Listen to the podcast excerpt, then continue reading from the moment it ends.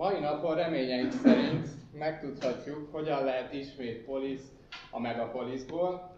Ugye ez a zöldek számára egy különösen fontos kérdés, mondhatni az ökológiák elkötelezett emberek, vagy zöldek, lokalisták.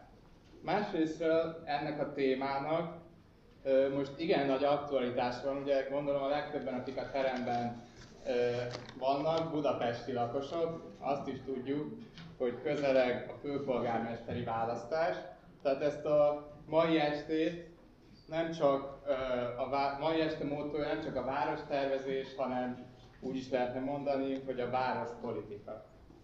Ma délután is két előadó lesz szerencsénk meghallgatni. Ezt előre szeretném ismertetni, hogy 30 perces legyen az előadás, én majd szólni fogok 5 perc az idő előtt. Schneller István urbanista, egyetemi tanár, Budapest volt főépítésze fogja tartani az első előadást, melynek címe Zöld városrekonstrukció, mi kerüljön a betonmonstrumok helyére. Ezt követően Puzsér Robert publicista, főpolgármester arról fog beszélni, hogy hogyan, vagy hogy egyáltalán visszaperelhetjük-e a köztereket a közlekedéstől. És el is, át is adnám a szót Schneider István. Én is mindenkit sok szeretettel és tisztelettel köszöntök. A két cím is elhangzott, én arról fogok beszélni, amiről akarok, azt mondta az András, hogy én megígérem, hogy arról beszélek, amit kértek tőlem, de sem a zöld város betonmostunk helyett sem, azt se tudom megmondani, hogy hogyan lesz a metropolisból polisz, de azért megpróbálok ezekre a kérdésekre is választ adni.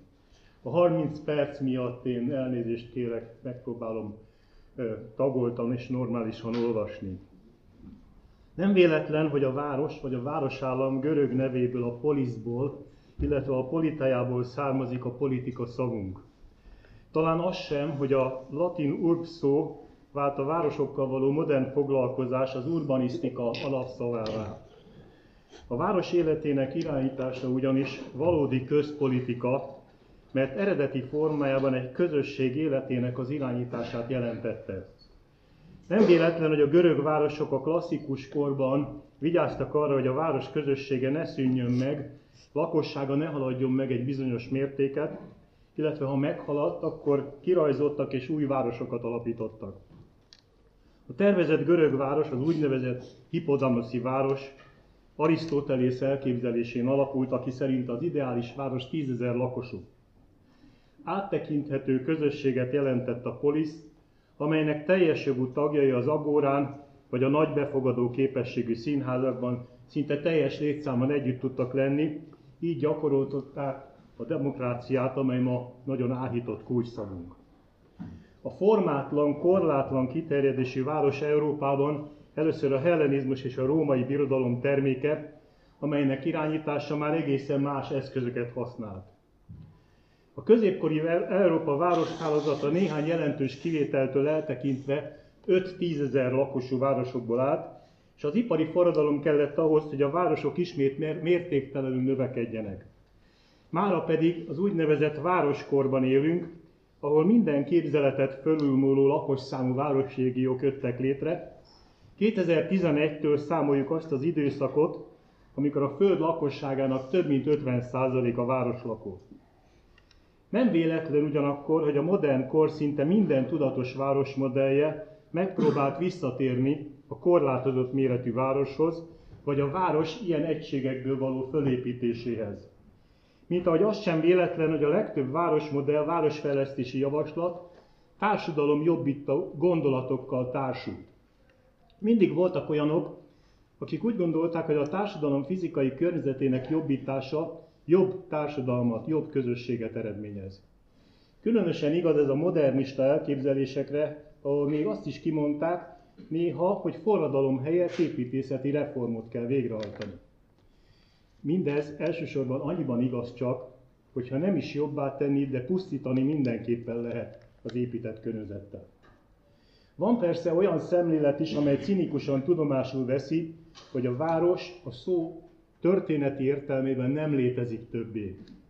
Die Stadt ist tot, mondja korunk egyik sztárépítésze Nietzsche után szabadon, helyette úgynevezett nem helyek sokaságának egymás mellé rendeződéséből szövődik a város, a jellegtelen város, ahol esetlegesen kerül egymás mellé autószalon, bank vagy szálloda. A város történetből látható, hogy a város mint olyan folyamatos válságban van. Növekszik, szétfeszíti eredeti kereteit, harcban áll a környezetével, leromlik, vagy éppen virágzik, de mindenképpen alakul, átalakul, és ez az átalakulás fájdalmakkal és mindenképpen érdekek sérelmével jár. Vágyódásunk az ideális városra, a mennyei Jeruzsálem képét idézi, ahol az üdvözültek serege teljes harmóniában és gyönyörű környezetben él. A valóság azonban, ami körülvesz minket, inkább az ókori Rómára, a Bibliában a bűn jelképeként élő Babilonra emlékeztet. Az urbanista dolga tehát a válságkezelés.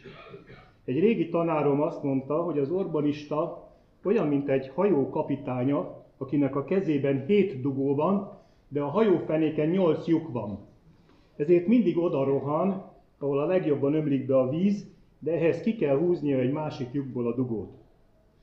Komolyra fordítva a szót, az is látható, hogy a várostudományban, az urbanisztikában, hogyha van ilyen, szinte minden elmélet az előző korszak hibáit akarja kiküszöbölni. Bűneit akarja jóvá tenni. A reneszánsz utópiákra támaszkodó városa központosított geometriai alakjával, esztétikailag rendezett környezetével, a középkori város zegzugos utcáival, esetleges uralmi rendszerével szemben egy rendezett, igazságos, fejedelem által irányított társadalmat akar teremteni. Hasonlóan, hogy a modern korból idézzek, a modern kertváros gondolat a kapitalista London borzalmait akarta orvosolni. Az egészségtelen kapitalista várossal szemben akart a falu és a város előnyeit összeházisító, korlátozott méretű és kiterjedésű kertváros teremteni. A modernizmus aténi kartája, az úgynevezett a modernizmus bibliája a szűkös, zajos, kényszernek gondolt utca zsarnokságát akarta legyőzni, az egymás zavaró funkciók térbeli szétválasztásával. A posztmodern a lakótelepek rideg űrjét akarta megtölteni történelmi formákkal, az új urbanizmus, ami most nagyon divatos, a szuburbok jellegtelen tengerét akarja megreformálni. A modern várostervezés egyik fő ága a meghatározott nagyságú szomszédsági egység kialakításában látta a megoldást. A modernizmus a minden oldalról benapozott, átszellőzött önmagának elég nagy lakóépületben, a lakógépben vélte a megoldás lehetőségét. Időközben persze nem csak új elméletek alakítják a várost, hanem a technika és a technológiák különböző vívmányai új várostermékek születése. Így például a telekommunikáció, az internet, a virtuális valóság térnyerése hogy csak a legutóbbiakat említsem, sokakat arra késztetett, hogy a város haláláról beszéljenek. Hiszen ha mindenütt elérhetőek vagyunk, akkor nem kell sűrű lakott városokban egymás közelében élnünk. Hasonlóan igen nagy kihívást jelent az ipari termelés térbeli szétszórása, a telephelyek hálózatában előállított termékek, termékek soha meg nem szűnő szállítási igénye, az állandósuló kényszermobilitás, amit szemérmesen logisztikának hívunk. A logisztika pedig háborús eredetű szó, az utánpótlás biztosítása. Nem véletlen, hogy a nemrég elhunyt Virilio, francia filozófus és urbanista, a várost a háború, de legalábbis a háborúra való készülődés termékének tartja. Nagyon gyakorlatias kérdésként jelentkezik ebben a vonatkozásban a kamionforgalom sokszor kétségbeesett szabályozása a hétvégeken, vagy a városok bizonyos övezeteiben. Persze ennél is nagyobb kihívás az egész földre kiható népesség robbanás. Valóban 2011-ben volt az év, amikor a föld teljes népességének több mint 50% a városban élt, ez még egy soha nem volt helyzet, mert a város mindig a vidékből nőtt ki, amelynek népesség száma abszolút értelemben nagyobb volt, mint a tudást koncentráló városoké. A kérdés persze az, hogy ez a mennyiségű városlakó milyen városokban él. És mit jelent ez az életminőség szempontjából? Jól tudjuk, hogy a több tízmilliós vagy milliós nagyvárosok lakóinak jelentős része, különösen Afrikában, Ázsiában és Dél-Amerikában, bádogvárosokban, zsúfolt nyomornegyedekben mindenfajta közellátás nélkül él. De épp úgy azt is tudjuk, hogy a gazdagabb földrészek nagyvárosai, a motorizáció, az úgynevezett nemhelyek, a repülőterek, az estére halott irodanegyedek, a bevásárlóközpontok arctalanságától, személytelenségtől szenvednek. Elég egy példa, egy nagyon friss példa, most épült a Csörsz utca, Alkotás utca szarkán egy fekete fémüveg irodaház, amely akár a birodalom visszavág jelképe is lehetne. Egyre több nem hely jön létre nálunk is. Európa és az észak-atlanti világ saját fejlettségének a fogja. A gazdaság rémuralma a városok életterét is áthatja. Térjünk azonban vissza Magyarországra, és ezen belül Budapestre is. A rendszerváltás utáni gazdasági átalakulás a várost elsősorban két területen érintette. Az egyik a privatizáció, a másik a motorizáció. A privatizáció urbanisztikai értelemben két területen jelentett újdonságot, az egyik a lakáshelyzet, a másik a munkahelyek kérdése. A lakásállomány tulajdonviszonyai radikálisan átalakultak, a lakásépítés különösen az állami és önkormányzati leállt, a lakásállomány 90%-a magánkézbe került. Ilyen helyzet a lajtán túl nincsen. Mindenütt van egy jelentős közösségi tulajdonú lakásállomány, amely a lakáshoz jutást és a lakásmobilitást elősegíti. A budapesti ipar jelentős része tönkrement. Óriási területek váltak a városon belül üressé, vagy alul használták. A helyükbe lépő szolgáltatóipar, logisztika és nagykereskedelem a legtöbb esetben a város szélén vagy a városon kívül keresett helyet magának. A nagy koncentrált munkahelyek megszűntek. A csepelművek területén hajdan 40 ezer ember dolgozott, ma 4 ezer. A munkahelyek szétterülő hálózata szintén a mobilitást növeli. A motorizáció nem csak előidézte, de lehetővé is tette a város szétterülését. A korábban 2 milliós Budapest 1,7 milliósá vált, ugyanakkor a budapesti agglomeráció lakosság száma hozzávetőlegesen 2,8 millió, az az ország lakosságának majdnem egyharmada itt lakik. A városrégió ma Székesfehérvárig, Vácig, Gödöllőig tart. Egy pécsi barátom úgy fejezte ezt ki, hogy Budapest olyan, mint egy fekete lyuk. Mindent elnyel. A nagy távolságok városa pedig tovább gerjeszti a motorizációt. Budapest közlekedése is átalakult. Az úgynevezett modal split arány, tömegközlekedés, egyéni közlekedés 80-20%-os aránya már a 60-40, illetve inkább 50-50 ez pedig iszonyatos forgalom növekedést eredményezett a belvárosban. A közlekedés hálózata és a parkolási rendszer pedig alig fejlődött. Az ellenőrizetlen privatizáció, az állam és az önkormányzatok visszahúzódása a városfejlesztésből olyan várostermékek megjelenését idézte elő, mint a bevásárlóközpont, a lakópark. Mindkettő alapvetően import és városellenes termék. A bevásárlóközpontok nagyrészt abból élnek, hogy megrabolják és bekelbelezik a hagyományos közterületeket, köztereket, utcákat, az úgynevezett lakóparkok pedig falakkal és elektromos kerítésekkel védett idilli lakóhelyeket ígérnek, azt is, hogy kizárják a város szennyét és zaját. Sok lakópark, ha körülnézünk, sok, a sokat szídott lakótelepeknél is rosszabb. Sűrűbb és intézményhiányosabb városrészeket teremtett. Az, hogy ez a probléma nem kicsi, a számok is jelzik. Ma Budapesten több mint 50 ezer lakás van már lakóparkban. A lakóparkokból egyenes út vezet a bevásárló központokba, mert a lakóparkok idillébe nem tartozik bele a sarki közért, az étterem, de még a presszó sem. Természetesen ez az egyenes út csak gépkocsival járható, hiszen ki fog egy gyalog egy bevásárlóközpontban elmenni. A lakásépítés mindenképpen közösségi részvétel után kiállt. Ugyanis egy-egy kedvezményes lakáshitel bevezetése után egész félelmetes számban és nagy sűrűséggel zöld terület hiányjal küzdő lakóparkok épülnek szerte a városban, ahol a park már, a park szó már rossz viccnek tűnik, olyan kicsi zöld terület veszi körül a hatalmas, már a újra tízszintessé váló épületeket. Csak meg kell nézni az egykori legnagyobb lakótelep, az újpalotai lakótelep szélén épülő lakópark szörnyűséget, vagy akár Dél-Budán itt a Szerémi út és a Budafoki út közötti épülő lakónegyedeket.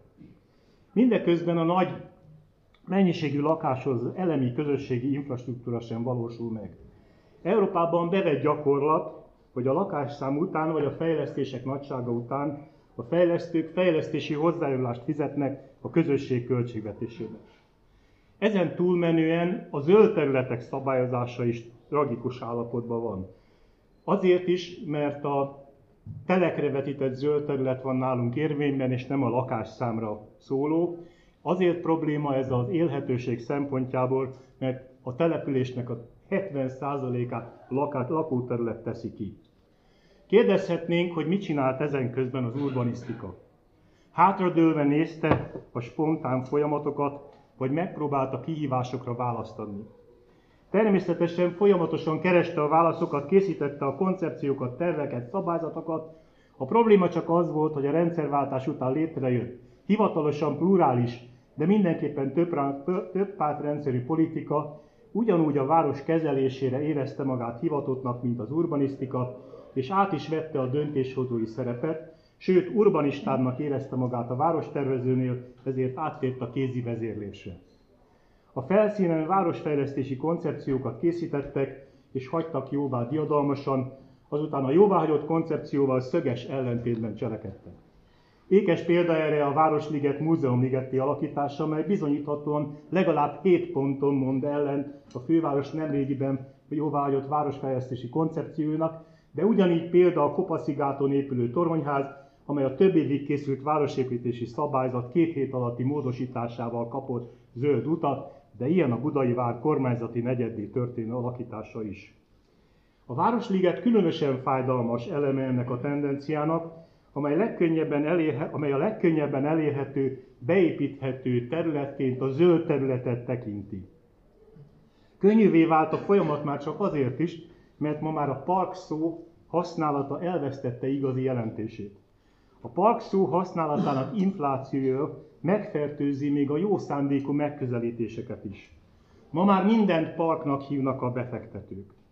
A lakónegyed már lakópark, a Fehér Galaros munkahelyi terület irodapark, az öreg otthon nyugdíjas park, a strand akvapark, a nagyméretű áruházak együttese bevásárló vagy élménypark, az elő közművesít iparterület ipari park. És folytathatnám a sort.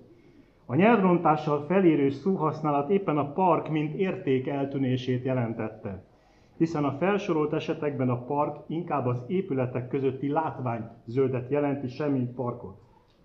A szóhasználat inflációja kikezdte a valós folyamatokat is, és elkezdte fölemészteni a valódi, meglévő és tervezett parkokat.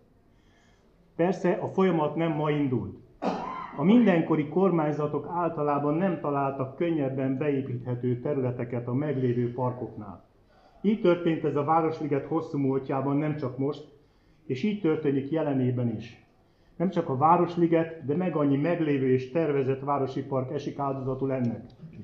Elég, ha az úszó Európa és világbajnokságok korábbi Margit-szigeti vagy Dagály-strandi helyszíneire gondolunk, vagy a Csepel-sziget északi csúcsán sokáig őrzött városi park jövőbeni helyszínének tervezett sportterületi alakítására és stadion terveire.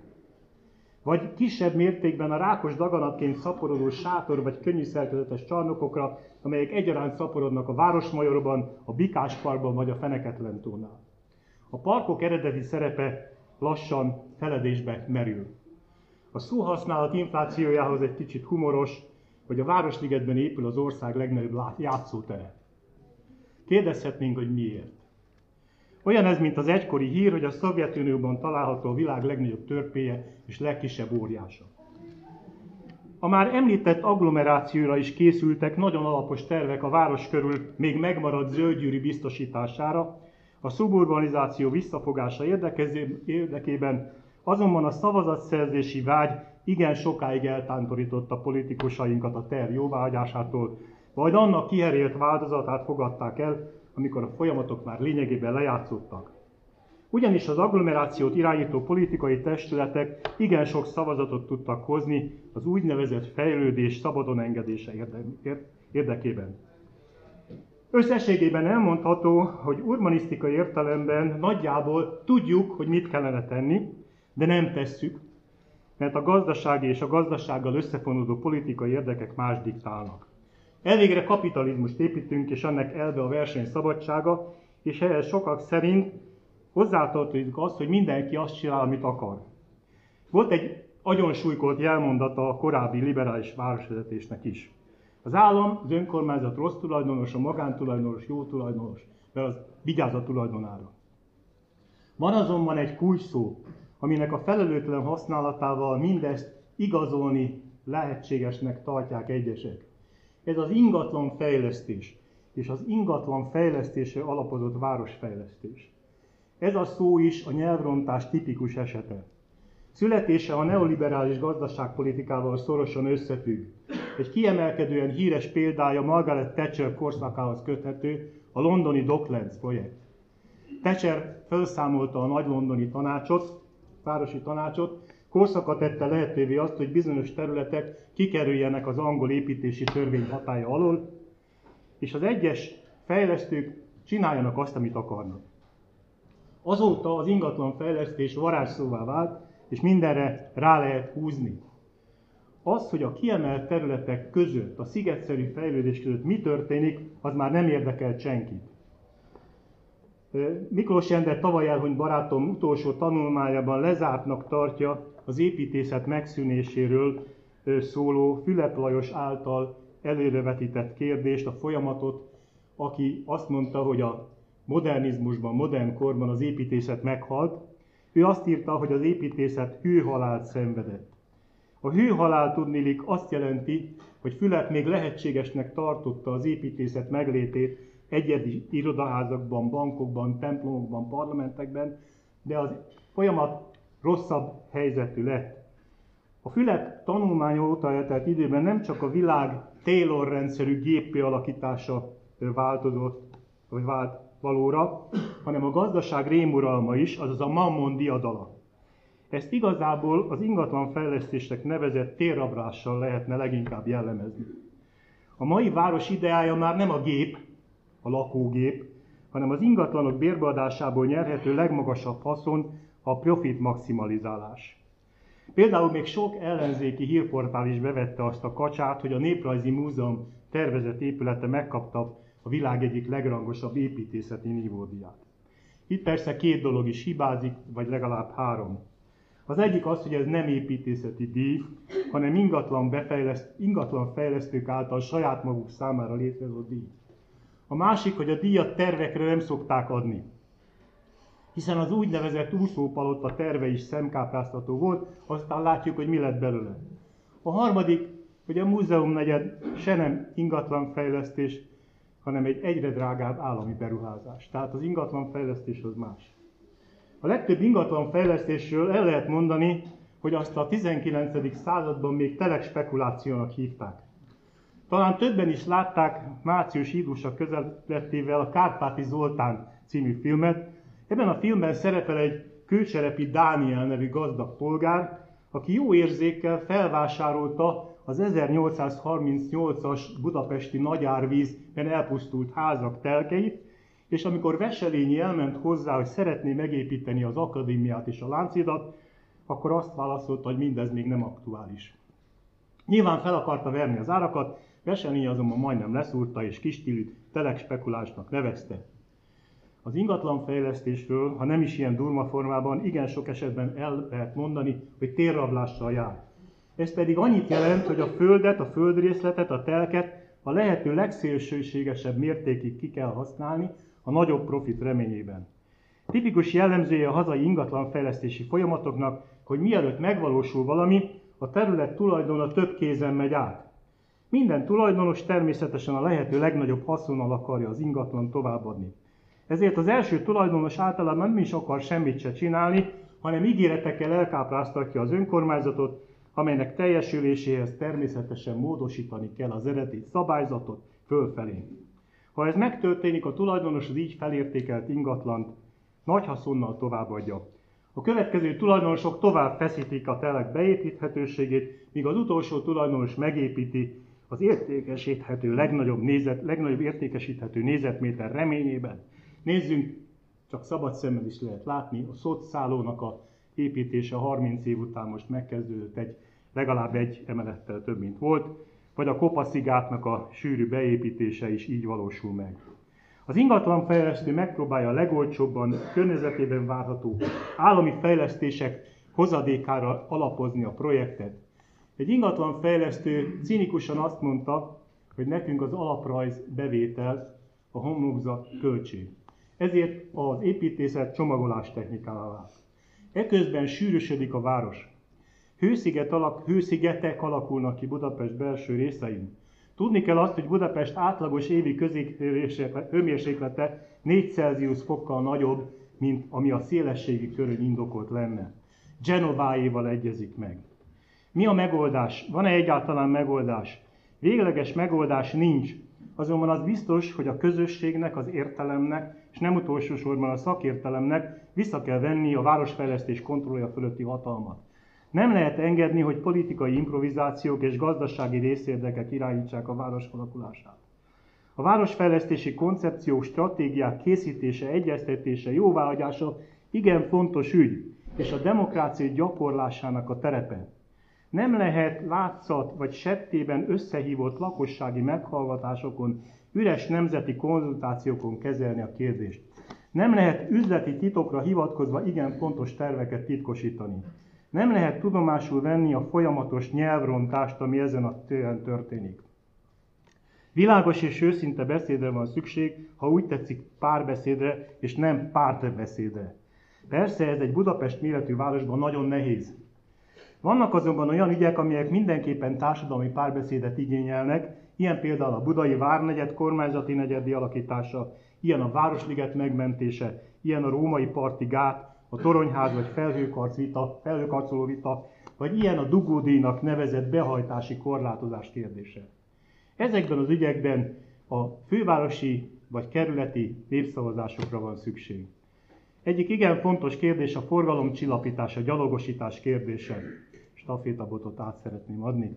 Kopenhága és Bécs, Európa két legélhetőbb városa évtizedek tudatos munkájával korlátozta a városközpontba való behajtást, és terjesztette ki a gyalogos övezeteket. Ez egy követendő és követhető példa lenne Budapest számára is. Mindez természetesen átfogó tervezést igényel. A közösségi és elsősorban kötött pályás tömegközlekedést, a P plusz rendszer kiépítését, az elkerülő úthálózatot, a felszíni parkolást, fizetősétételét, vonzó közterületek és zöld területek kialakítását, épp úgy, mint a úgynevezett rövid távok városának a megteremtését az elérhető szolgáltatásokkal. Én egy, rögtön befejezem. A gyalogos közlekedés elsőbségének a környezetvédelmen túl van egy nagyon fontos mentális szerepe. A valóság átélése 3-4 kilométeres sebességgel valós haladás közben egészen más, mint a legtöbb közlekedési eszközzel. A mai közlekedési eszközök olyan sebességgel működnek, hogy az ember beszáll az egyik helyen egy térkapszulába, és kiszáll egy távoli megállóban, lehet ez repülőgép, vasút, metró vagy gépkocsi, azonban az utazás közben nem éli át a tér a környezet változásait, impulzusait. Tulajdonképpen a célra való rávezetés természetessége sérül. A város a használó mentális térképében is darabokra hullik.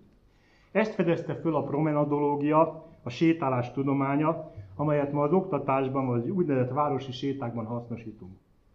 A város a találkozások helye, méghozzá a szemtől szembe találkozások helye. Az egyre dominánsabbá váló virtuális valóságok természetes ellenpontja. Ugyanakkor nem műemlék, nem egy valamikori valóság restaurálásával létrehozható valami. Nem elég a meglévő történelmi belvárost kipuderezni. Figyelni kell arra is, hogy mi történik a külvárosokban, az agglomerációban. Az élhető város nem egy turisztikai termék, nem egy kiterjesztett buli negyed. Újra nagyobb figyelmet kell fordítani a lokalitásra, a kisebb városi egységek élhetővé tételére, a napi igények helyi kielégítésére, a helyi vagy lokális központok, agórák, terek, parkok kiépítésére. Ez pedig nem csak az úgynevezett intermodális vagy átszállóhelyi csomagpontok térségében valósítható meg. A városlakók jelentős része nyugdíjas, gyerek vagy gyermekét nevelő anya, aki hétköznapi tevékenységei során el akarja érni a játszóteret, a postát, az orvosi rendelőt, a piacot. Köszönöm szépen, remélem mindenki.